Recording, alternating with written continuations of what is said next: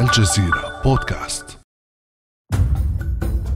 حدثت ساعة الصفر القوات الأمريكية طوقت المدينة وعندما بدأت عمليات القصف أنا شاهد على شدة قصف غير مسبوقة أنا لم أشاهدها لا في الإعلام ولا في الأفلام ولا في أقرأ عنها حتى في الكتب. نشرنا بالأمس الجزء الأول من حلقتين عن معارك مدينة الفلوجة في العراق عام 2004 وفي هذه الحلقة نتابع رواية حكاية المدينة ونمر على الشهور الممهدة للمعركة الثانية ونستمع لشهادة الزميل حسين دلي آخر صحفي صمد داخل المدينة لنتابع الحكاية.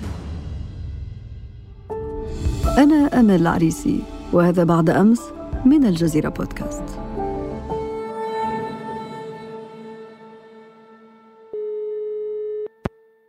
بعد تقريبا شهر من الهدوء.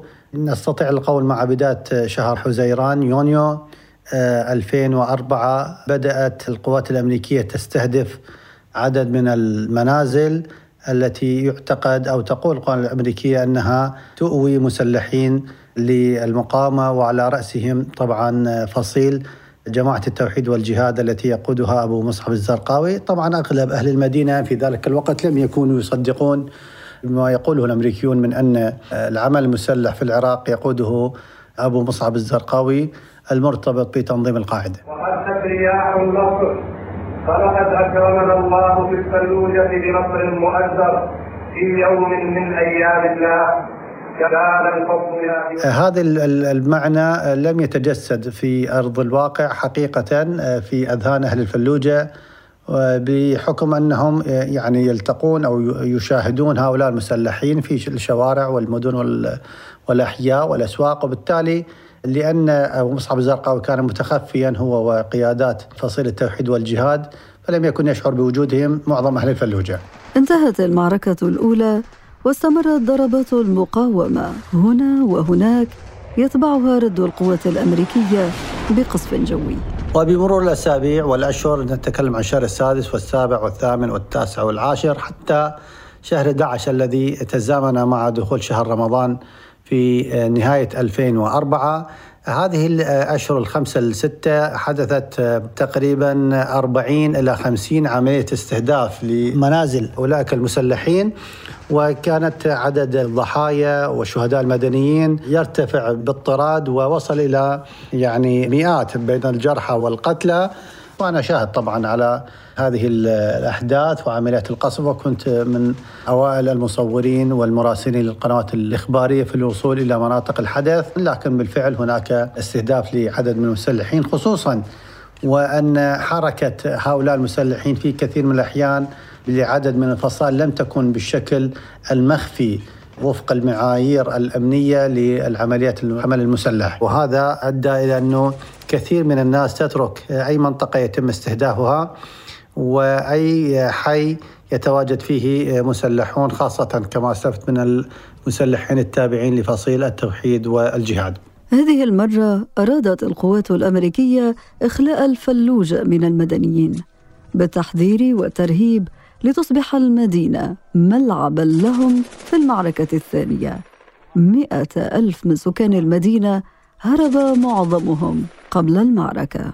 كما قلت فإن هذه الأجواء أصبحت ملبدة بغيوم القصف والحالة الإنسانية بدأت تصعب المستشفيات في كثير من الأحيان.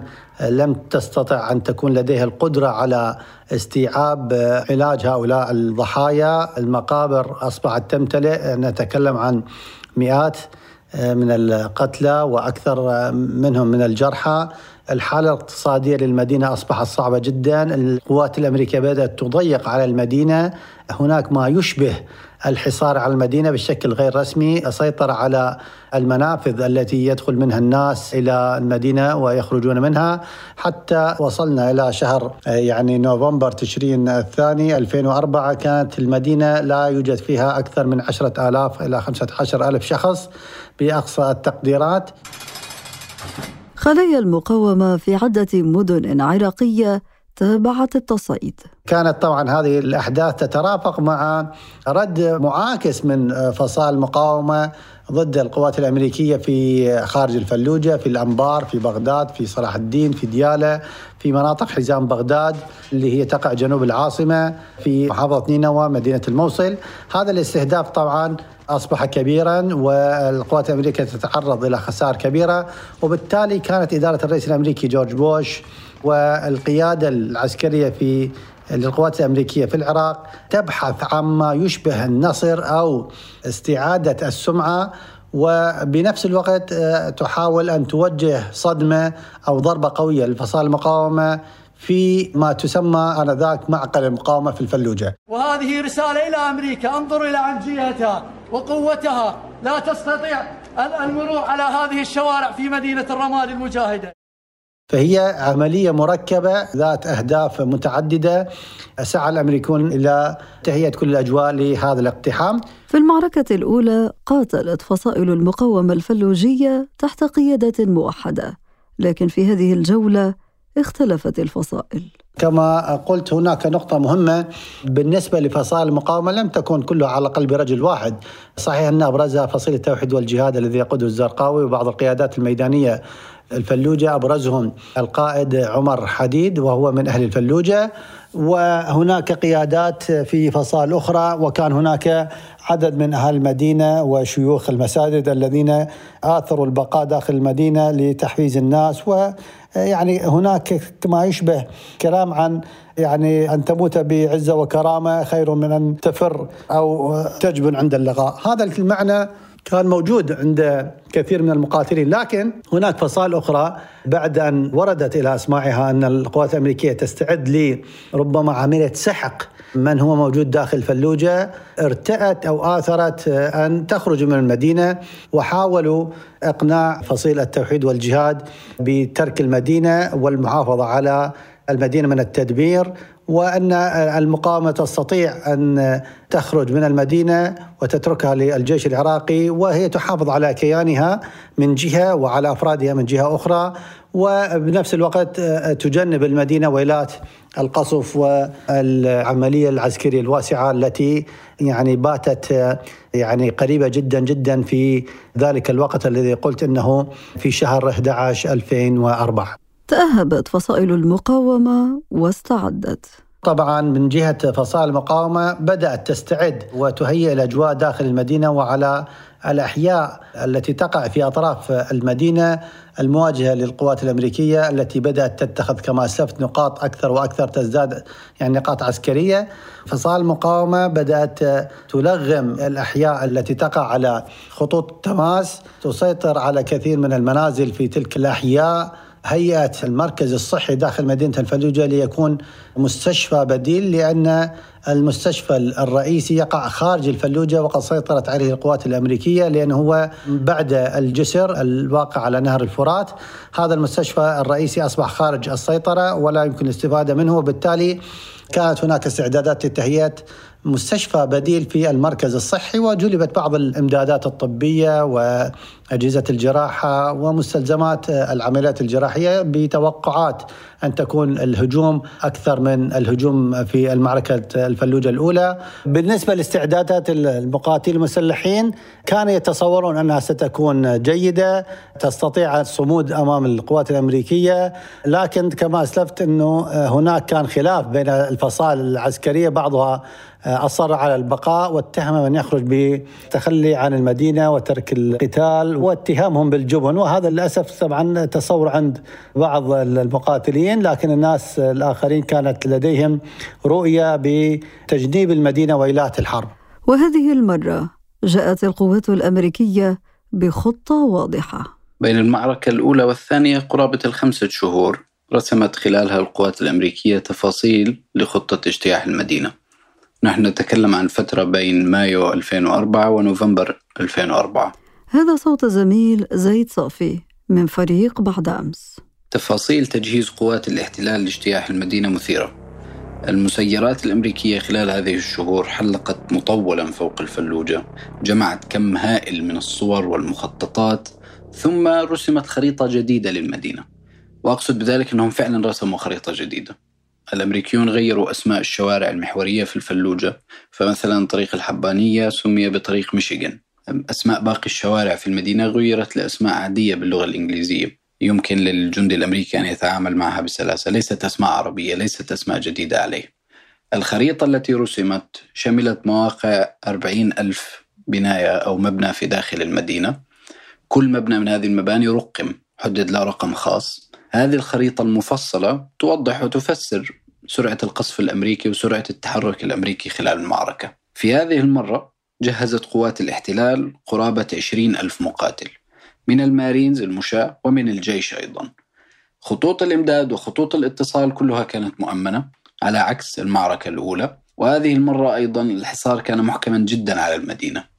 أما بالنسبة لخطة الاجتياح فهي ببساطة أولا تبدأ بقصف جوي عنيف هدفه الإرباك والإيهام لمن هم في داخل المدينة لتخويفهم أيضا ثم يبدأ الاجتياح البري من عدة مداخل مع إسناد جوي كثيف من مقاتلات نفاثة مثل F-15 F-16 و F-18 باستخدام مسيرات باستخدام مقاتلات المروحيات العمودية مثل شينوك والكوبرا والأباتشي وهذه آلات قتل مذهلة لن يتخيل المستمع قوتها.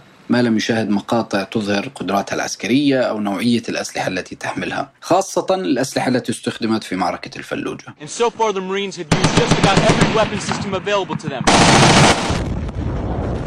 تفاجأ المقاومون من الأسلوب الأمريكي الجديد المسلحون طبعا تفاجؤوا بحجم الكثافة النارية والاستهداف وتنوع الأساليب الجيش الأمريكي التي اختلفت عن المعركة الأولى. واستطاعت القوات الأمريكية اختراق مدينة فلوجة من نقاط لم يحسب لها المقاتلون حسابا.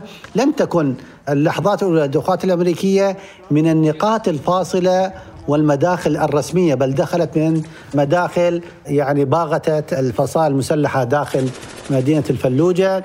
وعندما بدأت عملية القصف أنا شاهد على شدة قصف غير مسبوقة. أنا لم أشاهدها لا في الإعلام ولا في الأفلام ولا في أقرأ عنها حتى في الكتب. بعض الناس سموها حرب عالمية يعني القصف من الشدة بمكان. لا تستطيع أن تصفه مجرد كلمات أقولها الآن. مدفعية قيل أن القوات الأمريكية تستخدمها لأول مرة في الفلوجة قصف بالطائرات الحربية اف 16 اف 18 المروحيات الكوبرا والأباتشي. ناهيك عن القوات على الأرض دبابات الإبرامز 20 ألف عسكري. وبالتالي المخطط لهذه المعركة أن يسحق كل أو كل من كان رفض الخروج وترك المدينة. الفارق بين معركة الفلوجة الثانية ومعركة الفلوجة الأولى في عدة نقاط. أولا أن المدينة كما أسلفت تركها أهلها بينما المعركة الأولى كان معظم أهل المدينة داخل المدينة. النقطة الثانية القوات الأمريكية قطعت الكهرباء وقطعت الاتصالات شبكات الموبايل بينما في المعركة الأولى كانت متاحة.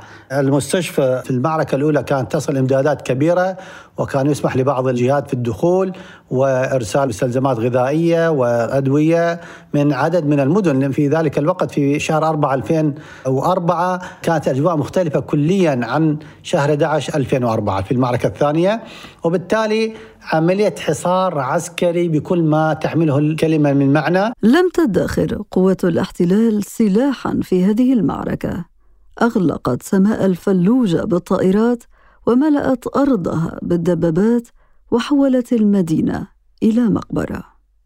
معركة الفلوجة الثانية معركة استثنائية. ما فعلته قوات الاحتلال وما فعلته المقاومة ردا عليهم أصبح مثال ونموذج للحروب الحضرية أو الحروب داخل المدن. ما حصل في هذه المعركة أدخل الفلوجة في قائمة من المدن التي أتعبت الجيش الأمريكي تاريخيا. على رأس هذه المدن مدينة هوي في فيتنام. لو خل تعلم أمريكا. بأنه احتلالها للعراق راح يلقنها درس قاسي أكثر من الدرس اللي احتلته واللي تلقته في فيتنام. ومدينة مقديشو في الصومال طبعا. كيف خططت المقاومة لهذه المعركة؟ أولا لغمت مداخل المدينة فخخت سيارات وأجسام أخرى وضعت على مفاصل الشوارع والأحياء لغمت حتى بعض البيوت لتفجر بجنود قوات الاحتلال عندما يدخلونها.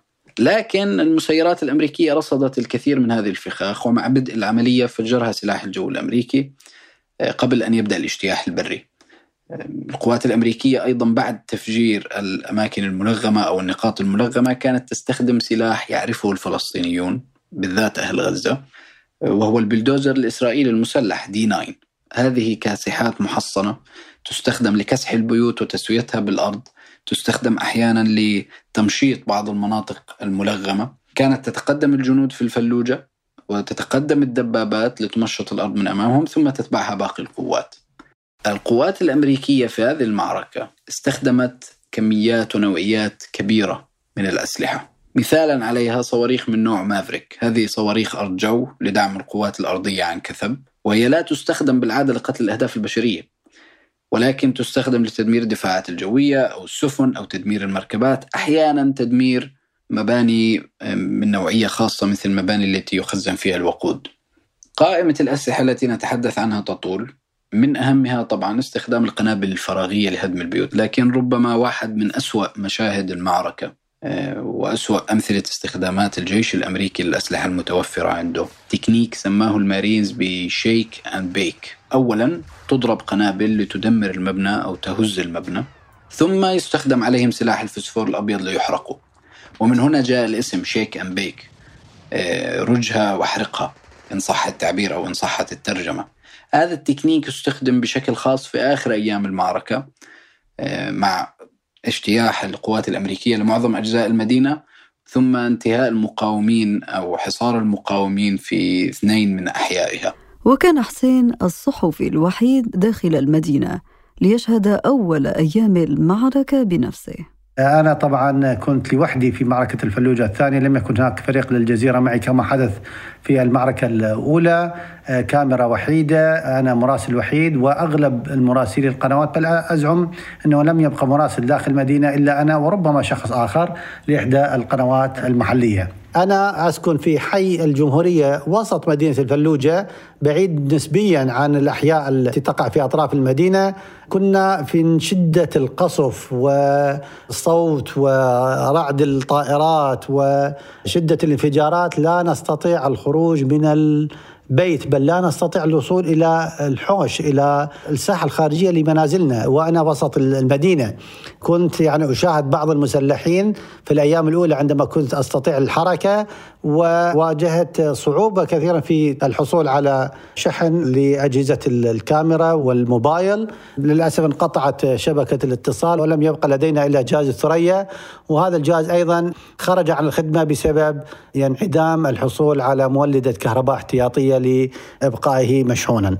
طبعا قبيل أو مع الساعات الأولى الهجوم أبلغ عدد من القنوات بضرورة مغادرة الفلوجه المراسلي بعض القنوات منهم اسوشيتد بريس ورويترز والقنوات الأخرى وأنا أبلغت قناة الجزيرة في حين في اتصال إن هذا الأمر كان علامة على أن القوات الأمريكية تنوي منع أي تصوير أو نقل أي صورة من داخل المدينة كما حدث في معركة الفلوجة الأولى التي كان لفريق الجزيرة قصب السبق والكاميرات الكثيرة التي استطاعت نقل المجازر والأحداث بل وحتى استهداف القوات الأمريكية في كثير من الاشتباكات. بعد تقريبا يعني أربع أو خمسة أيام كانت القوات الأمريكية قد دخلت بالفعل إلى أحياء الجولان العسكري إلى حي الشهداء. وبدأت المعارك تنسحب باتجاه وسط المدينة، المسلحون بدأوا بالانسحاب إلى أحياء المعلمين والوحدة والجمهورية ونزال والرسالة. وسيطرت القوات الأمريكية على الجسرين الرئيسية في المدينة وعلى المدخل الشرقي من جهة العاصمة بغداد. وبدأت بالزحف تدريجيا تحت نيران هائلة من المروحيات والمقاتلات والمدفعية، هذه المدفعية كانت كما رأيت بعيني تستطيع استهداف أي مسلح يتحرك بمساعدة من طائرات اللي كانت تجوب السماء المدينة ولا تفارقها وتنقل ما يجري على الأرض. وهناك القوات الأمريكية كانت بين قوسين تستطيع التقاط أو استهداف أي خلية مسلحة داخل المدينة. في وسط القتال بحث حسين عن الكهرباء ليشحن الثورية جهاز للاتصال عبر الأقمار الصناعية. في اليوم الخامس أو السادس آه، حاولت أن أبحث عن آه، يعني مولدة بسيطة لشحن جهاز الثريا والبطاريات للكاميرا. نقلت بعض الصور في الأيام الأولى لكن مع اشتداد المعارك أصبح الهم هو كيفية المحافظة على النفس من الاستهداف أو من الإصابة. في اليوم الخامس حاولت أنه أخرج من البيت لاستطلاع الأوضاع وفجأة أنا يعني المنزل الوالد التي كنت يعني أسكن فيه أنا وشقيقي لوحدنا فقط والأهل تركوا المنزل والمدينة. وتفاجأت بأن الدبابات الأمريكية وصلت بالفعل إلى حي الجمهورية وسط المدينة وهذا كان إذا يعني مؤشر على أن الأمريكيين سيطروا على نحو 70% من مدينة الفلوجة بطريقة مباشرة وسريعة فاجأت كل الناس سواء داخل المدينة أو خارج مدينة الفلوجة من المسلحين أو من المدنيين من الإعلاميين أو غيرهم. نحن نتحدث عن اليوم السادس أو السابع بعد بداية المعركة. خلال هذا اليوم الذي أنا خرجت فيه أصبت بإصابة بالغة من قناص على الأرجح لكن الإصابة يعني الحمد لله لم تؤدي إلى يعني الوفاة. كانت إصابة شديدة أصبت بطلق ناري من الظهر وخرجت من بطني. كانت الإصابة دفعتني إلى أنه يعني أستلقى على الأرض بدأ النزيف يأخذ من جسمي وتمكن أخي وأحد الجيران من سحبي إلى داخل المنزل. كان هناك خوف من أن هناك دوريات راجلة للأمريكيين ربما قد يأتون ويجهزون علي أو على من كنا نراهم، طبعا أنا كنت أشاهد عدد من الجثث في الشوارع القريبة من الحي وبعضهم أصدقاء أو جيران من هذه المنطقة، بعد ذلك جدت المعارك وبقيت أنا ومن معي من يعني الجيران في أحيائنا. في ذلك اليوم أيضا استهدف المركز الصحي الذي كما قلت في أول الكلام أنه كان يعد ليكون مستشفى بديل. هذا المركز أيضا استهدف بعد أنباء عن عمر حديد القائد الميداني دخل إلى ذاك المركز للعلاج لكن بلغني أن عمر حديد لم يقتل في القصف وخرج وهو مصاب لكن قتل في بعض الأشخاص وبعضهم أظن هناك طبيب أحد الأطباء قتل وبعض المعالجين والأطباء الذين بقوا نزحوا من المركز الصحي إلى الحي المجاور وهو الحي الذي كنت أسكن فيه كان يجاور ذاك المركز الصحي.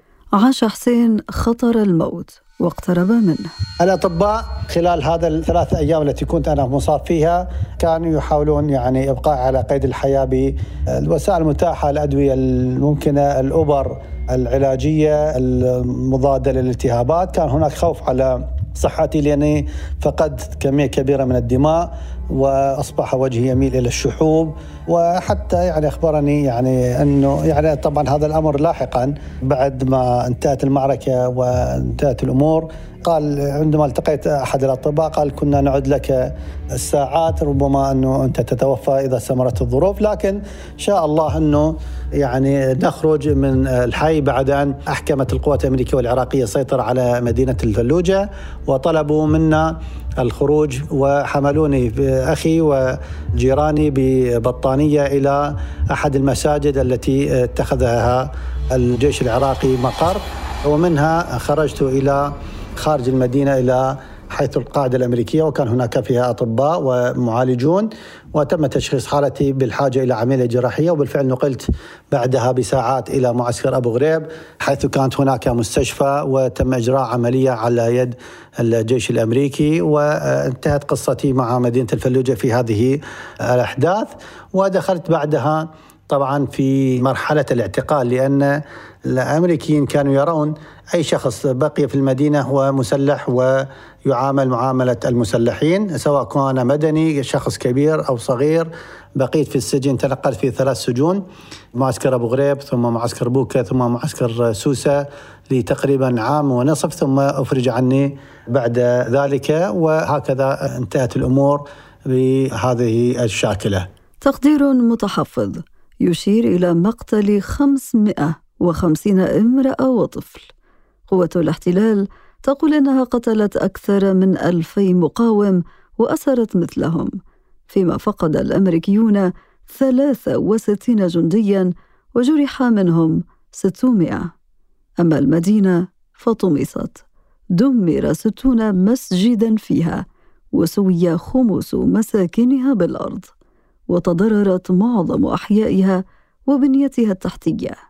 طبعا المعركة الفلوجة الثانية كانت شديدة الوقع على أهل المدينة. قتل كثير من القيادات الميدانية للفصائل المسلحة وخصوصا من فصيل التوحيد والجهاد. قتل عمر حديد القائد الميداني الرئيسي. نجا بعض القيادات يعني خرجت إما عن طريق نهر الفرات أو خرجت خلسة أو تنكرت. طبعا آه، الدمار الذي أصاب المدينة كان واسعا أحياء كثيرة. نتكلم عن مئات المنازل دمرت آه، كليا أو جزئيا. المستشفى البديل آه، دمر. استحدثت مقبرة جديدة وهي كانت ملعب سابق. لكرة القدم تم استخدامه ليكون مقبرة إضافية داخل المدينة لأن المقابر المعروفة كانت خارج أو على أطراف المدينة وهذه عرفت بمقبرة شهداء الفلوجة. الناظر الآن إلى ما حدث في معركة الفلوجة الثانية بالفوارق عن معركة الفلوجة الأولى. يدرك أن البقاء في المدينة كان عملية إعدام ويعني قرار عسكري خاطئ. رغم أنه كان كثير من العسكريين قد نصحوا القيادات العسكرية للمسلحين بضرورة ترك المدينة وتجنيب الخسائر، طبعا على المستوى المعنوي حدثت انكسار وانتكاسة كبيرة لفصائل المقاومة. القوات الأمريكية على الجانب الثاني استعادت شيء من سمعتها ومن زخمها وتوسعت عمليات الاستهداف لبقية الفصائل. رغم ذلك طبعا لم يؤثر على الجسم المقاوم الكلي للفصائل المقاومة لأن العراق رقعة واسعة. لكن كانت هناك ضربة كبيرة وحدثت خسائر ليست بالقليلة على مستوى القيادات وعلى مستوى أهمية مدينة الفلوجة في العقل الجمعي والعاطفي للحاضنة المقاومة الداعمة لفصائل المقاومة ضد القوات الأمريكية. يحمل حسين ذكر الفلوجة معه دائما. هذه التجربة طبعا مهمة جدا في السيرة الذاتية لأي شخص. ما حدث في سنة 2004 سواء في المعركة الأولى أو المعركة الثانية تستطيع أن تكتب منها رواية وتخرج منها حكاية يعني تروى للأجيال. وأنا عن نفسي أنا دائما أتكلم بهذه المسائل والمشاعر والتفاصيل حتى لأبنائي ناهيك عن أصدقائي أو الناس الإعلاميين الذين يعني يرون تجاربهم في المعارك والحروب. وأعتبرها تجربة مهمة جدا في الحالة الإنسانية والتغطية الإعلامية التي كنت طرفا فيها.